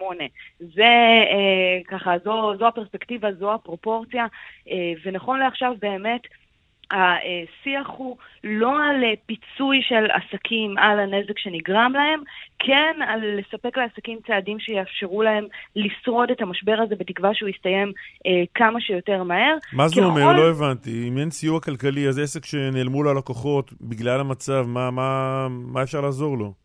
אז תראה, אה, קלמן, צריך לבדל, אה, ליצור בידול בין אה, סיוע כלכלי בדמות פיצוי, שזה אומר שהמדינה מכניסה את היד לכיס, בעצם לכיס של כולנו, ונותנת מכספי הציבור לבעלי עסקים שניזוקו, אומרת להם בבקשה, בהצלחה, הנה אנחנו מפצים אתכם, לבין סיוע, מה שנקרא תזרימי, שזה אומר שהמדינה מתכוונת, וזה, וזה המודל שעליו עובדים כרגע, שהמדינה תיתן הלוואות. אה, לאותם עסקים שעכשיו מחזור העסקים שלהם נפגע, בין אם אלה עסקים אה, בתחום התיירות, בין אם אלה עסקים אה, אחרים, עסקים שאין להם הכנסות כרגע בגלל הסיטואציה שנוצרה, אבל אנחנו מדברים על הלוואות, לא על כסף שיינתן אה, במתנה נגיד, אלא כסף שאותם עסקים יצטרכו להחזיר כשהמצב שלהם אה, ישתפר אחרי שהמשבר הזה יהיה אה, מאחורינו. במקביל מדברים גם על חבילה מיוחדת שעוד לא ברור בדיוק מה היא תכלול. לחברות התעופה ברור שהענף הזה נמצא באירוע אחר לחלוטין ברגע ששדות התעופה נסגרים, ברגע שיש מגבלות על אה, יציאה וכניסה אה, מהארץ וכן הלאה, שם מתכוונים אה, לנקוט צעדי סיוע מסוג אחר, אבל צריך להגיד, אה, אנחנו כל הזמן מדברים על זה שאל על היא זאת שצועקת הכי חזק, אבל שממילא אנחנו מדברים על חברה שהמצב שלה לא היה מזהיר עוד לפני האירוע הזה במשרד האוצר. ירצו לראות קודם כל אה, שהנזקים שבגינם היא באה היום ומפטרת אה, עובדים באמת נגרמו כתוצאה מהקורונה, גם ירצו לראות שהחברה עושה את המקסימום אה, כדי לדאוג בעצמה למצבה ולא משליכה את הסיטואציה על המדינה, אבל בינתיים באמת צעדים שהם צעדי סיוע ולא צעדים שבהם מפצים את החברות האלה. ומעבר לזה, אנחנו שומעים את ענף התעופה באמת מאוד מאוד חזק מרגע שהקורונה יצאה לדרך. צריך להגיד, הקורבן הבא של כל הדבר הזה הוא אה, ענף הבנייה שאמור לספוג אה, נזקים עצומים ברגע אה, שיוחלט להטיל סגר מלא על הרשות הפלסטינית, וזה נראה כרגע לפחות רק עניין של זמן. ליאל, תודה רבה. תודה. הדוקטור אה, רון תומר, נשיא התאחדות התעשיינים, שלום. שלום, בוקר טוב. איך זה משפיע עליכם? משפיע מאוד. אה, למעשה, אנחנו פועלים היום בשתי חזיתות. החזית הראשונה היא בעצם להשאיר את עצמי מעל המים. זה נשמע כאילו אתה לא ממש מצליח להרים את הראש מעל המים. כן, הראש מתחת למים כרגע. לא, לא, אני- אגיד ככה. מבחינת אה, קו השידור שלך, רק נגיד. קו השידור. מבחינת קו השידור אני לא שומע את עצמי, אז אני יכול... גם אנחנו לא שומעים את עצמך כל כך. הנה, משותף אה, לשנינו. אולי- קו השידור מבין את המצב כמו כולנו. אה, שני דברים, אני מקווה שיותר טוב עכשיו. אה, ראשית, אה, יש את הסיפור של ימי בידוד. ימי הבידוד עולים המון כסף למגזר העסקי. אם ניקח בחשבון שיש לנו היום כשמונה אלף אנשים בבידוד מתוכם 60% שייכים למגזר העסקי. אם אני מנקה את מי שלא עובד, ילדים, שירות ציבורי והלאה, ההערכה שהעלות של ה-80 אלף מבודדים האלה למגזר העסקי היום היא כרבע מיליארד שקל. זה דבר שהמגזר העסקי לא יכול להכיל, וכמובן החשבון רק הולך וגדל. הבעיה השנייה זה בעיה תזרימית של עסקים. דיברתי הבוקר, אתן לכם דוגמה, עם uh, תעשיין, חברה שמייצרת בתחום הדנטלי. הוא יצואן גדול, הוא מייצר 30% לסין, 60% לאירופה, 10% רק לשוק הישראלי. אז 30% של סין פשוט לא משלמים. לא רק שהם לא מזמינים, הם גם כבר לא משלמים על דברים שסופקו כרגע, כי סין בבעיה. אירופה סרט הזמנות גם כן. הבן אדם אומר, אני צריך תזרים כרגע. וזה בדיוק המקום, ישראל, יחד עם הקרן שאני מקווה שתוכרז בבוקר, יכולה לבוא לסייע. לתת לנו לעבור את הימים הגשומים האלה, כדי שהעסקים האלה יישארו בחיים, שהם יוכלו לתפקד. כי לזכור, הקורונה בסוף, לא יודע להגיד לכם מתי, תלך. אבל אחרי זה אנחנו צריכים לקיים פה מדינה וחברה ראויה, ואי אפשר לבנות את הכל מאפס. לכן חשובה חשובה העזרה הזאת. אה, זה שתי האיומים שאנחנו נמצאים בפניהם, אבל יש גם דבר שני שחשוב לי להגיד. קראנו וראינו בחדשות של סוף שבוע שאנשים נכנסים פה לבהלה אם יהיו מצרכים, אם יהיה מזון, אם יהיה ניירות טואלט, חומרי ניקוי, תרופות, ואני יכול להגיד שאנחנו בהסתדרות תעשיינים, גם קיימתי פגישה עם תעשיינים בכירים ביום חמישי. גם יש לנו חדר מחשבות. כן, זה מאוד קשה לנהל את השיחה הזאת. אה, ננסה אולי לחזור אליך בהמשך. הדוקטור רון תומר, נשיא התאחדות התעשיינים, תודה בינתיים. חבל. כן, חבל באמת. אה, ננסה לשפר את הקו הזה. אה, קטע גדול שהיה פה כרגע. כן, לא, אני רק רוצה להגיד, אני שמעתי אותך שואל אותי, מי הגיע מקום רביעי ב-1993? עכשיו, באמת אין לי מושג מי הגיע מקום רביעי ב-1993, הלכתי לבדוק, שווייץ לקחה שם, אני קוטון, אני מודה שאני לא מכיר. אני שאלתי מי הגיע במקום הרביעי ב-1973, ואיציק זיאת וחיים ארמון... לא, מה זה? זה רק הם? כל הוואטסאפ שלי מתפוצץ. הוואטסאפ שלך, אני לא מסתכל. אני מסתכל בטוויטר. מה שלא בטוויטר לא קיים. כן. מיד הזכירו לנו שבמקום הרביעי ב-1973 אה, הייתה אילנית שלנו, ברור. מקום אז... אחד אחרי איש אלמוני העונה לשם קליף ריצ'ארד. כן, עכשיו, זה, זה, זה מעניין, זו הפעם הראשונה שישראל השתתפה באירוויזיון, 1973, אחרי שהם... שלמה צח, שהיה בן זוגה, הלך ובדק שיש לנו את היכולת להשתתף בתחרות, אבל אף אחד לא הגיש מועמדות. אה, ואז אילנית, שנה אחר כך, אגב, זה היה ב-72, 73, אילנית הלכה והשתתפה עם אי שם, כמובן. יפה, פגעתי בול. כן, באמת, זרקת במקרה מקום יכול... רביעי ב-73. יכולתי להגיד, ידעתי, זה לא, אין מקריות. אבל כיוון שאני איש הגון, אז זה היה הימור, אבל... אה, לא, לא היה לי ספק שאתה לא תעשה דבר, שאתה לא תעשה. זה דבר שאתה לא זה. שאתה, שאתה לא ידעת. כן. חשבתי שאם... בוא נגיד ככה, טוב לך עם רמת הידע הזו, לא, שיבטלו את האירוויזיון במאי. לא, חס וחלילה, מקום רביעי, 73, אני יודע. שמעתי 93, ו-93, אני מודה, אני לא יודע. אה, בואו נלך לדיווחי תנועה. אה. לא נלך לדיווחי תנועה? דוקטור רון תומר, אתה איתנו? כן, שיניתי מיקום, אני מקווה. או, מה זה? ליגה אחרת לגמרי. יפה. תגיד, שמעתי בבוקר שבאיטליה מדובר שם על פיצוי של מיליארדים, אני לא זוכר את הסכום המדויק ל... לכל מי ש... לכל בעלי העסק, או אני לא זוכר בדיוק שם איך זה מוגדר למי שנפגע. זה לא יקרה אצלנו, נכון? תראה, עוד, עוד בכלל מוקדם להגיד, כי אנחנו לא יודעים מה גודל האירוע ואין לנו תחשיבים מה הנזק הכללי. אנחנו רק יודעים שזה אני... המון המון המון כסף. אנחנו יודעים שזה המון המון וזה כנראה לזמן ארוך, אבל אני לא יודע מתי הפסקתם לשמוע אותי, אבל המוטו החשוב לדעת זה שאנחנו צריכים גם לדאוג ליום שאחרי. הקורונה תהיה איתנו חודש, חודשיים, חצי שנה, שנה. אנחנו חייבים להשאיר פה את הכלכלה עובדת, כי ביום שאחרי לא נוכל לבנות הכל מאפס. ולכן חשובים את הסיוע, שזה עזרה בתשלום על ימי בידוד, כי המעסיקים לא יכולים להכיל. את עלות ימי הבידוד, ואת אותה קרן שתיתן בעצם הלוואות, אה, לתת לעבור, הלוואות גישור, תיתנו לעסקים לעבור תקופות שיקלו בהם בוודאות לבעיות תזרימיות, כדי שלא יקרסו. כי תזכרו, עסק קל לבנות, סליחה, עסק קל לסגור, אבל קשה מאוד לבנות מחדש. חוץ מזה, חשוב לי להגיד עוד דבר, אני חושב שמעניין את המאזינים שלכם פחות. לא, אבל תישאר באותו מקום שבו היית קודם, כדי שהמאזינים שלנו גם יוכלו לשמוע. אין בעיה. אה, אנחנו בהתאחדות תעשיינים מקיימים חדר מצב, וקיימתי שבוע שעבר ישיבה עם תעשיינים מובילים אצלנו מסיבה שנייה, מעבר לפיצוי שחשוב לנו, לדעת שאנחנו יכולים, ואנחנו יכולים, לקיים את שרשרות האספקה. עם כל הקשיים, כל התעשייה מגויסת, ולכן תמונות שראינו בחדשות יום שישי בערוצים השונים של צרכנים שפושטים על סופרמרקטים, פושטים על בתי מרקחת, אני יכול להרגיע שלפחות בתקופה הקרובה, והקרובה זה לא שבוע, זה מדובר על חודש, חודשיים, שלושה, כמובן שאנחנו גם נפעל שזה יהיה אחר כך, המפעלים עובדים. מפעלי המזון שלנו מייצרים מזון בתפוקה מלאה כדי למלא את המדפים. חברות התרופות עובדות, חברות חומרי הניקוי עובדים, שאר התעשיות תגיד עובדות. רגע, דוקטור תומר, אה, אומר אה, ראש אגף התקציבים באוצר, שאול מרידור, אה, אצל אריה גולן הבוקר, מדינת ישראל לא תכניס את היד לכיס בצורה סיטונאית. אתה מצפה ממדינת ישראל להכניס את היד לכיס בצורה סיטונאית כדי לפצות אה, עסקים? אני מצפה לא לדבר בסיסמאות. אני חושב שמה שצריך בסופו של יום זה לבוא ולנתח את המצב ולתת תשובות. כי אמרתי לכם שוב, אם עסקים, אם תעשיות יקרסו, הם כבר לא יהיו פה ביום שאחרי. ולכן אני במקום לדבר בסיסמאות יד לכיס, יד לפה, יד לשם, אני פשוט צריך יד תומכת. וכולנו צריכים יד תומכת. כי מדינות שידעו לתמוך בכלכלה שלהם ובתעשייה שלהם, ישרדו את המשבר הזה ויצאו ממנו. מדינות שיקרסו יחד עם המשבר הזה, יהיו במקום אחר. ולכן מה שאני מצפה ממשרד האוצר, והייתי בדיונים אצל ראש הממשלה, ואני חייב להגיד שהצלילים ששמעתי היו שונים מאשר מה שאמר לכם ראש התקציבים בבוקר. Mm-hmm. הצלילים ששמעתי הם הפוכים, שכן יש נכונות לשים את המגזר העסקי סביב השולחן. אנחנו כתעשיינים יושבים בישיבות עם כל הגורמים, עם המל"ל, עם ראש הממשלה, עם השרים הכלכליים, אני בדרך לפגישה עכשיו עם שר הכלכלה, בדיוק על הנושא הזה.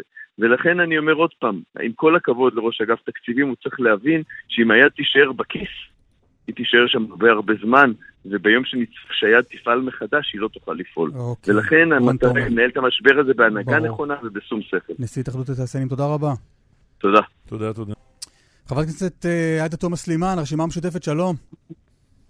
שלום, בוקר טוב. מה שלומך? אני בסדר. הולכים לממשלת מיעוט? אה, אני לא רואה איך זה קורה. אף אחד לא הזמין, אף אחד לא ביקש, אף אחד לא פנה. טוב, אה, הבחירות היו לפני יומיים וחצי. עוד לא... עוד אף אחד לא? פנה לאף... עוד אף אחד לא פנה לאף אחד, זה בטח יקרה. אוקיי, יקרה, נדון בזה. אולי אין להם את אני הטלפ... לא- אולי אין להם את הטלפון. בכל זאת, זה רק הבחירות היו עכשיו, רק עכשיו נבחרתם לכנסת, אולי הם לא יודעים איך, איך להשיג אתכם. כן, ממש, אין להם אה, לא מספרי טלפון ואין להם אה, דפי קשר, אז אה, ת- תתרמו להם. מה אני אגיד לך? אנחנו נעזור להם אחרי השידור. תגידי, לך יש בעיה כלשהי עם ממשלה כזו שבה אתם תומכים מבחוץ יחד עם אביגדור ליברמן? תשמע, אני חושבת שהעניין הוא לא בהרכב של הממשלה, אלא במדיניות ובקווי היסוד. אנחנו עדיין אה, בשלב של ההמלצות, אה, עוד לא הגענו לזה. עוד לא הגענו לדון בהמלצות, כי מה שמשתקף מולנו עד עכשיו זה אותו גנץ וכחול לבן שניהלו מערכת בחירות, שבה יישרו קו אה, בהרבה דברים, לצערי הרב, עם מדיניות הליכוד. אה, ברגע שגנץ נסע לוושינגטון והתלהב מהרעיון של עסקת המאה, וברגע שהוא הכריז על אה, אה, סיפוח והתלהב ורצה לעקוף את נתניהו מהימין, והוא זה שחזר פעם אחרי פעם שהוא לא רוצה את התמיכה שלנו לא מבחוץ ולא מבפנים. אז כנראה אז עבדו לו את uh, רשימות הקשר, ואז הוא הבין שהוא לא רוצה לעשות את הקשר הזה. עד שיתעשת, עד שיפנים שאין לו ממשלה וההזדמנות ההיסטורית שלו uh, להיות ראש ממשלה לא תקרה בלעדינו. Uh, אז uh, אנחנו בינתיים נהנים מהניצחון שלנו ונהנים מהתרומה היחידה שקרתה במדינת ישראל כדי לעצור את נתניהו, זה מה שעשו הבוחרים שלנו. כן, אבל אנחנו מבינים גם מהדברים שלך. את אומרת, לא, לא פנו אלינו, אבל אנחנו זוכרים שבפעם הקודמת אה, המלצתם לנשיא, ויש להניח שאחרי שיפנו אליכם וידברו, תמליצו גם הפעם. זה לא מופרך, נכון? לא, הפעם הקודמת זאת הייתה מערכת בחירות אחרת. זה היה לפני עסקת המאה, זה היה לפני שהתנערו אפילו מההמלצה שלנו. אנחנו עדיין זוכרים את התגובה הראשונה שיצאה מכחול לבן אחרי ההמלצה. אנחנו אז התנהלנו באחריות כלפי כל האזרחים של מדינת אבל ישראל. אם יש לכם הזדמנות התנהלנו- לזרוק את בנימין נתניהו מהשלטון ואתם מאוד רוצים הרי לא שזה יקרה, לא- אז מה תגידו, אנחנו לא תומכים בגנץ? סליחה, סליחה, זה לא אצלנו, הכדור לא אצלנו. הכדור כבר נמצא במגרש של גנץ ושל כחול לבן, לא אצלנו. אנחנו עשינו את שלנו. אף אחד לא יכול לבוא אלינו בטענות. אם יש מישהו שעצר את התהליך שנתניהו יקבל את המנדט זה אנחנו. אנחנו סיעה היחידה באופוזיציה שעלתה מבחינת כוחה. כולם ירדו.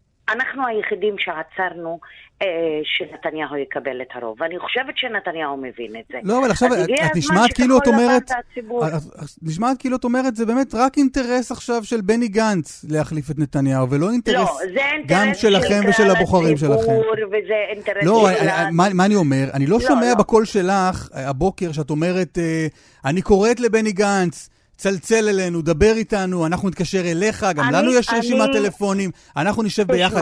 את רק נשמעת מאוד אה, קשה להשגה, שאת אומרת, נו בוא, תחזר אחרינו, תרצה אותנו.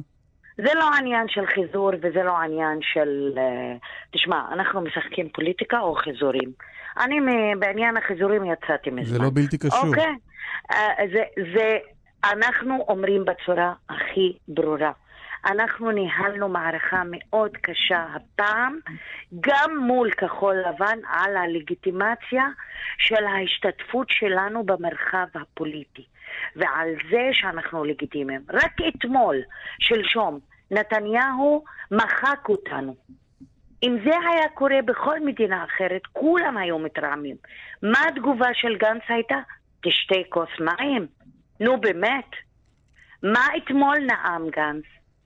מה הוא אמר?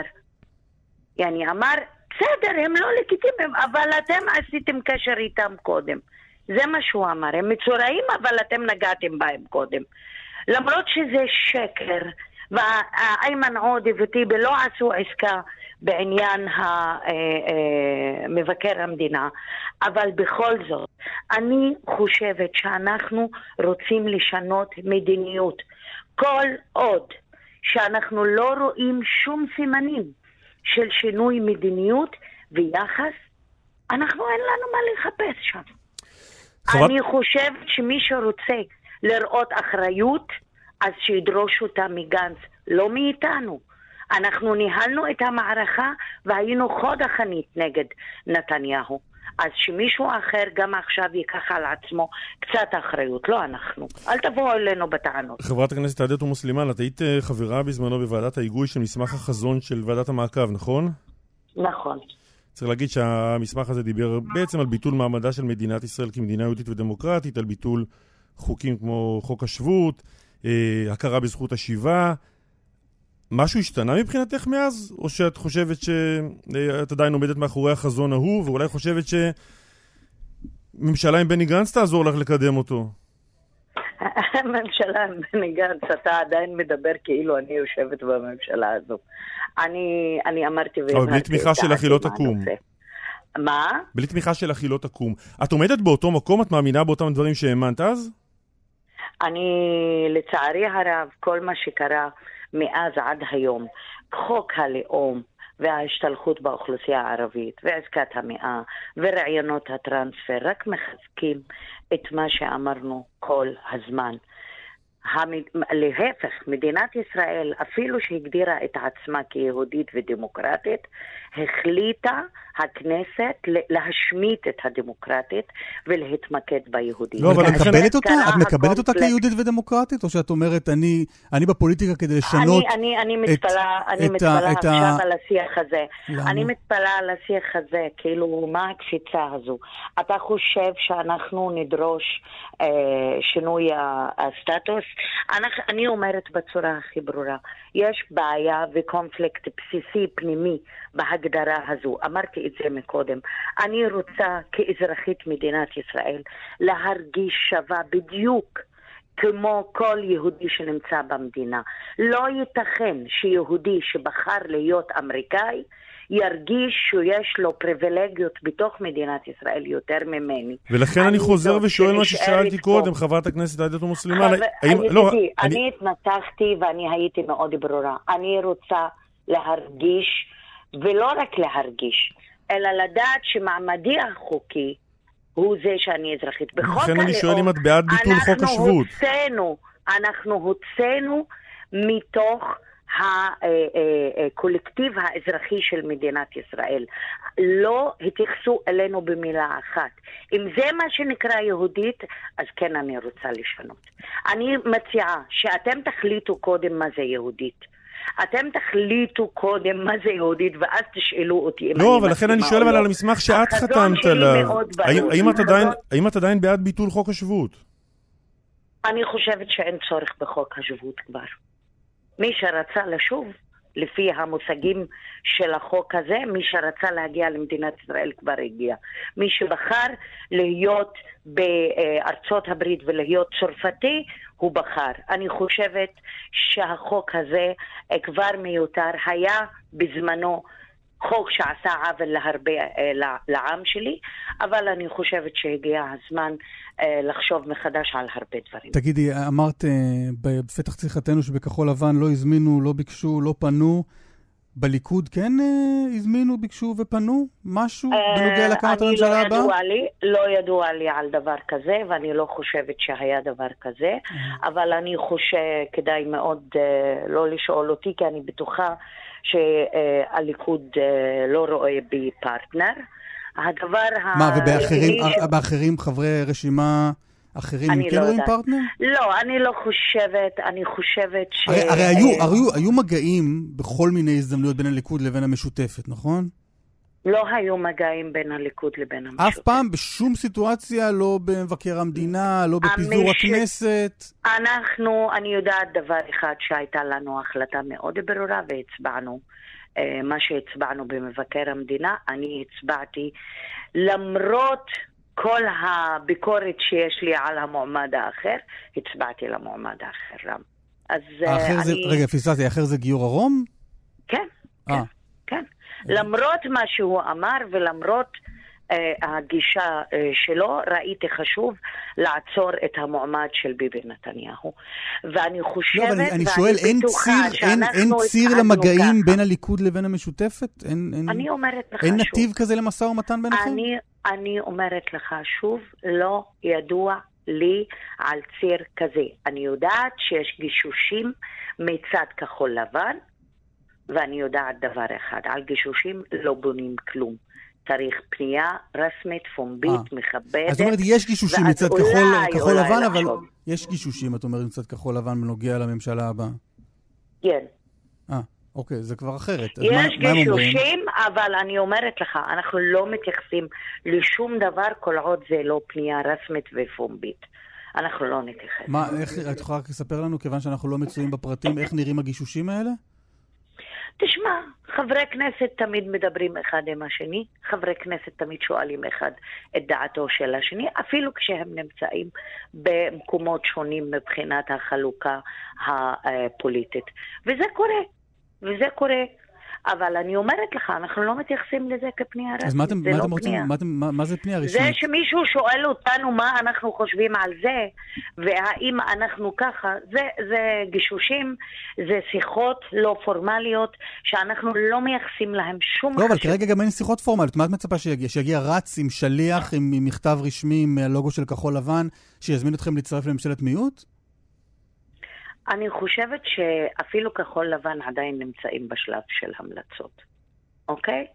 אז אני כן מצפה שכל מי שאמר שהוא לא רוצה אותנו מבחוץ או מבפנים, יפנים שהוא לא יהיה כנראה ראש ממשלה אם הוא לא יתייחס אלינו ברצינות. עכשיו, איך הוא יבטא את זה? מה אנחנו נעשה כאשר הוא יפנה? זה משהו אחר. חברת הכנסת עאידה תומא סלימאן, רשימה משותפת, תודה רבה. תודה, תודה. תודה לך. אורלי אלקלעי כתבתנו, שלום. שלום, שלום. אנחנו חוזרים ל- לרצח ביום שישי. שלום חברים, בוקר טוב. שומעת אותנו? כן, כן, אני שומעת אתכם. אנחנו שוב אה, אל אירוע הרצח ביום שישי. כן, אנחנו בואו ניתן את הפרטים שמתחדשים uh, הבוקר. אז בבית החולים בלינסון uh, בפתח תקווה משתפר מצבה של האם, היא כבר לא מורדמת ומונשמת, והעובדים הסוציאליים וגם הפסיכולוגים סיפרו לה שבתה הפעוטה בת העשרה חודשים נרצחה, שנקבע מותה, היא יודעת. כרגע אה, חוקרי המשטרה ממתינים לאישור הרופאים בכדי לבוא ולגבות ממנה עדות, לתשאל אותה, לקבל ממנה אור על מה שהיה, על מה שאירע, וזאת מאחר ובחקירה בעלה, אב המשפחה, אומר לחוקרים, כן, לקחתי סכין, דקרתי את כולם, רציתי לרצוח את כולם, השתגעתי, נטרפה עליי דעתי. כשהם מנסים להבין מה הסיבה, הם לא מצליחים להוציא ממנו אה, תשובה, הם לא מצליחים להבין ממנו מה קרה, הוא מתחיל לפרוץ בבכי כל החקירה, הם נאלצים להפסיק את החקירה שוב ושוב, גם עורך דינו שפוגש אותו אומר, הוא מאוד מבולבל, הוא מאוד נסער, מצבו הנפשי אה, נמצא בחירה. אה, היום בבית המשפט אה, גם אה, עורך דינו יבקש בהארכת המעצר השנייה, הפעם בנוכחותו, יבקש לשלוח אותו להסתכלות פסיכיאטרית. הוא יבקש מבית המשפט שיורה על כך. וזה מה שקורה מהחקירה. אבל החוקרים, זה, חק... זה צוות חקירה מיוחד שהוקם במרחב שרון בשל נסיבות אה, הרצח וניסיונות הרצח, מה שאירע, משפחה שלא מוכרת לרשויות הרווחה, שאף אחד מבני המשפחה הקרובה לא יכל להצביע על משהו שאירע לפני כן, או שהם יודעים שאירע משהו, אה, הקימו צוות חקירה מיוחד. להם יש תחושה שהדבר הזה תוכנן מבעוד מועד על ידי האב, שלא מדובר על טירוף ועל שיגעון של רגע. Mm-hmm. זו התחושה של צוות החקירה, וככה okay. הם הגיעו גם לבית המשפט. באשר לילדה בת השלוש המאושפזת בבית החולים מאיר בכפר סבא, ביחידה לטיפול נמרץ, מצבה עדיין מוגדר קשה, היא מורדמת, מונשמת, בני המשפחה של האם נעים מבית חולים אחד ברור. לבית חולים שני בכדי לסעוד את שתיהם. אוקיי, אורלי אלקלעי, כתבתנו, תודה רבה. תודה.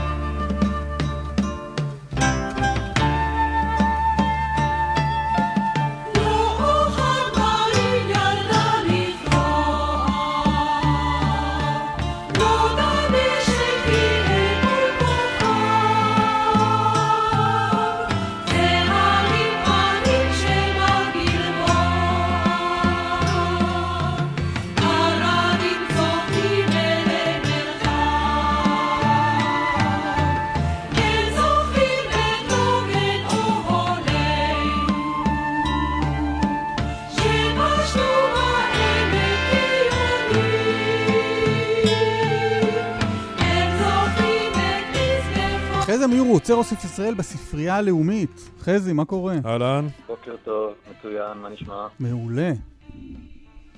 כן, אה, אנחנו היום עושים יום הולדת קטן. אה, מה זה יום הולדת? 120? נכון, עד 120, כן. שלשום זה היה 120 שנה להולדתו של אברהם שלונסקי, שכתב את השיר שהתחלנו לשמוע. זמר קוראים לשיר. אה, אחד המפורסמים ביותר של, של, של אברהם שלונסקי, כשהוא, כשהוא מספר גם על תקופה משמעותית בביוגרפיה שלו. זאת אומרת, זה לא רק הוא עצמו, אלא גם אה, בחיי, בחיינו. אלה החודשים, ארבעה חודשים שבהם הוא היה חבר בגדוד העבודה ועבד אה, כחלוץ בעין חרוד, מיד אחרי ש... שהוא קם. ובחרתי את השיר הזה כי הוא מייצג לא רק לדעתי, אלא גם לדעת בני התקופה, את הרוח החלוצית של העלייה השלישית יותר טוב מכל אה, שיר אחר. העלייה השלישית שיצרה את תנועת העבודה המאורגנת כפי שאנחנו מכירים אותה, ובמיוחד כמובן את הקיבוץ בתור הטיפוס הכי בולט בארץ של התיישבות. את השיר הוא כתב uh, במבט נוסטלגי של יותר מ-20 שנה אחורה, אל אותם uh, uh, שנים של גדוד העבודה בעמק יזרעאל, מבחינתו, במקרה שלו זה כמה חודשים, uh, מול הערים של בגלבוע. אבל למה הוא מתגעגע יותר מכל דבר? לא לעבודת אדמה או ליישוב הארץ וכל הדברים הגדולים, אלא למה, לשם של השיר, לזמר. איך היום קסומים ולא מיין, שבנו הנה במשעול הלז, לחדש לכתנו אל העין, לפעם שירנו מני אז. ולא סתם לשיר שירים, אלא גם לחזור אל החוויה הרוחנית העוצמתית הזאת של השירה בציבור בלילות, באוהל או מסביב למדורה, כשהלב פותח שער ונדמה לעד לא ינהל. זאת אומרת, זה הרבה יותר מאיזה אתנחתא מוזיקלית, זה ממש מרכיב אה, נפשי וזהותי, עמוק. וככה היה במחנות של גדוד העבודה, היו שרים כל הזמן בהתלהבות, בדבקות, שירים מכל הסוגים, בכל השפות הרלוונטיות כמובן, יידיש ופולנית ורוסית, וכמובן עברית, ממש כמו בחצרות החסידים אה, שהרבה מהם באו משם, כולל שלונסקי שהיה חסיד חב"ד. הוא, בא ממשפחה מוזיקלית, ומבחינתו השירים בלילה האלה, אה, הוא העלה אותם למדרגה של קדושה ממש. הוא שר שם, הם זוכרים את מזבחות לילנו שעלו באש הניגונים. אה, רק ה- הלחן ששמענו של מרק לברי, הוא מזכיר את ה... אני חושב שהוא מזכיר את הניגונים החסידיים האלה. הדימוי הנפלא הזה של אה, לא ונועלנו, אה, באמצע השממה, כמו להקות של יונים, ממחיש קודם כל תמונות של, אה, שהרבה, שכולנו ראינו אה, בספרי הלימוד של מחנות האוהלים הלבנים האלה בעמק יזרעאל בראשיתו.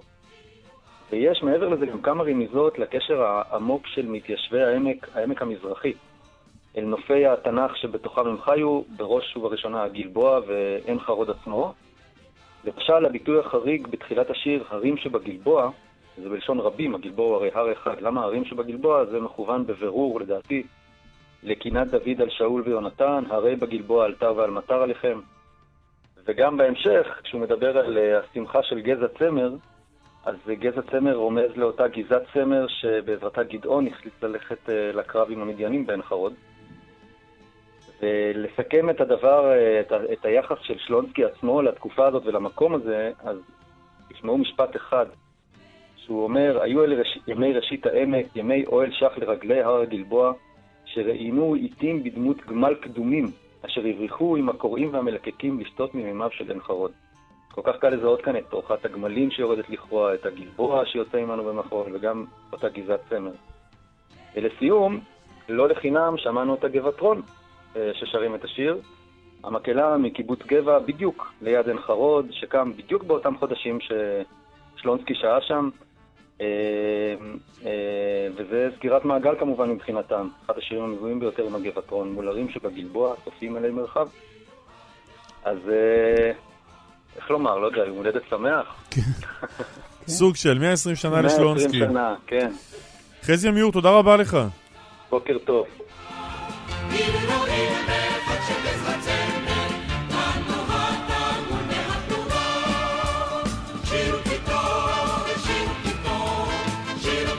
שיר כי טוב, שיר כי טוב. אה, אם אנחנו בעניינים של גזע צמר, אז uh, תודה גם לאיתמר דרוקמן שערך את התוכנית, לנדב רוזנצוויג ולאיגנה שהפיקו, יאיר ניומן היה על הביצוע הטכני, אסף uh, ליברמן, חושב על גזע, אני מיד רואה אותך מולי. קלמן אה, ליבסקינד, תודה רבה לך.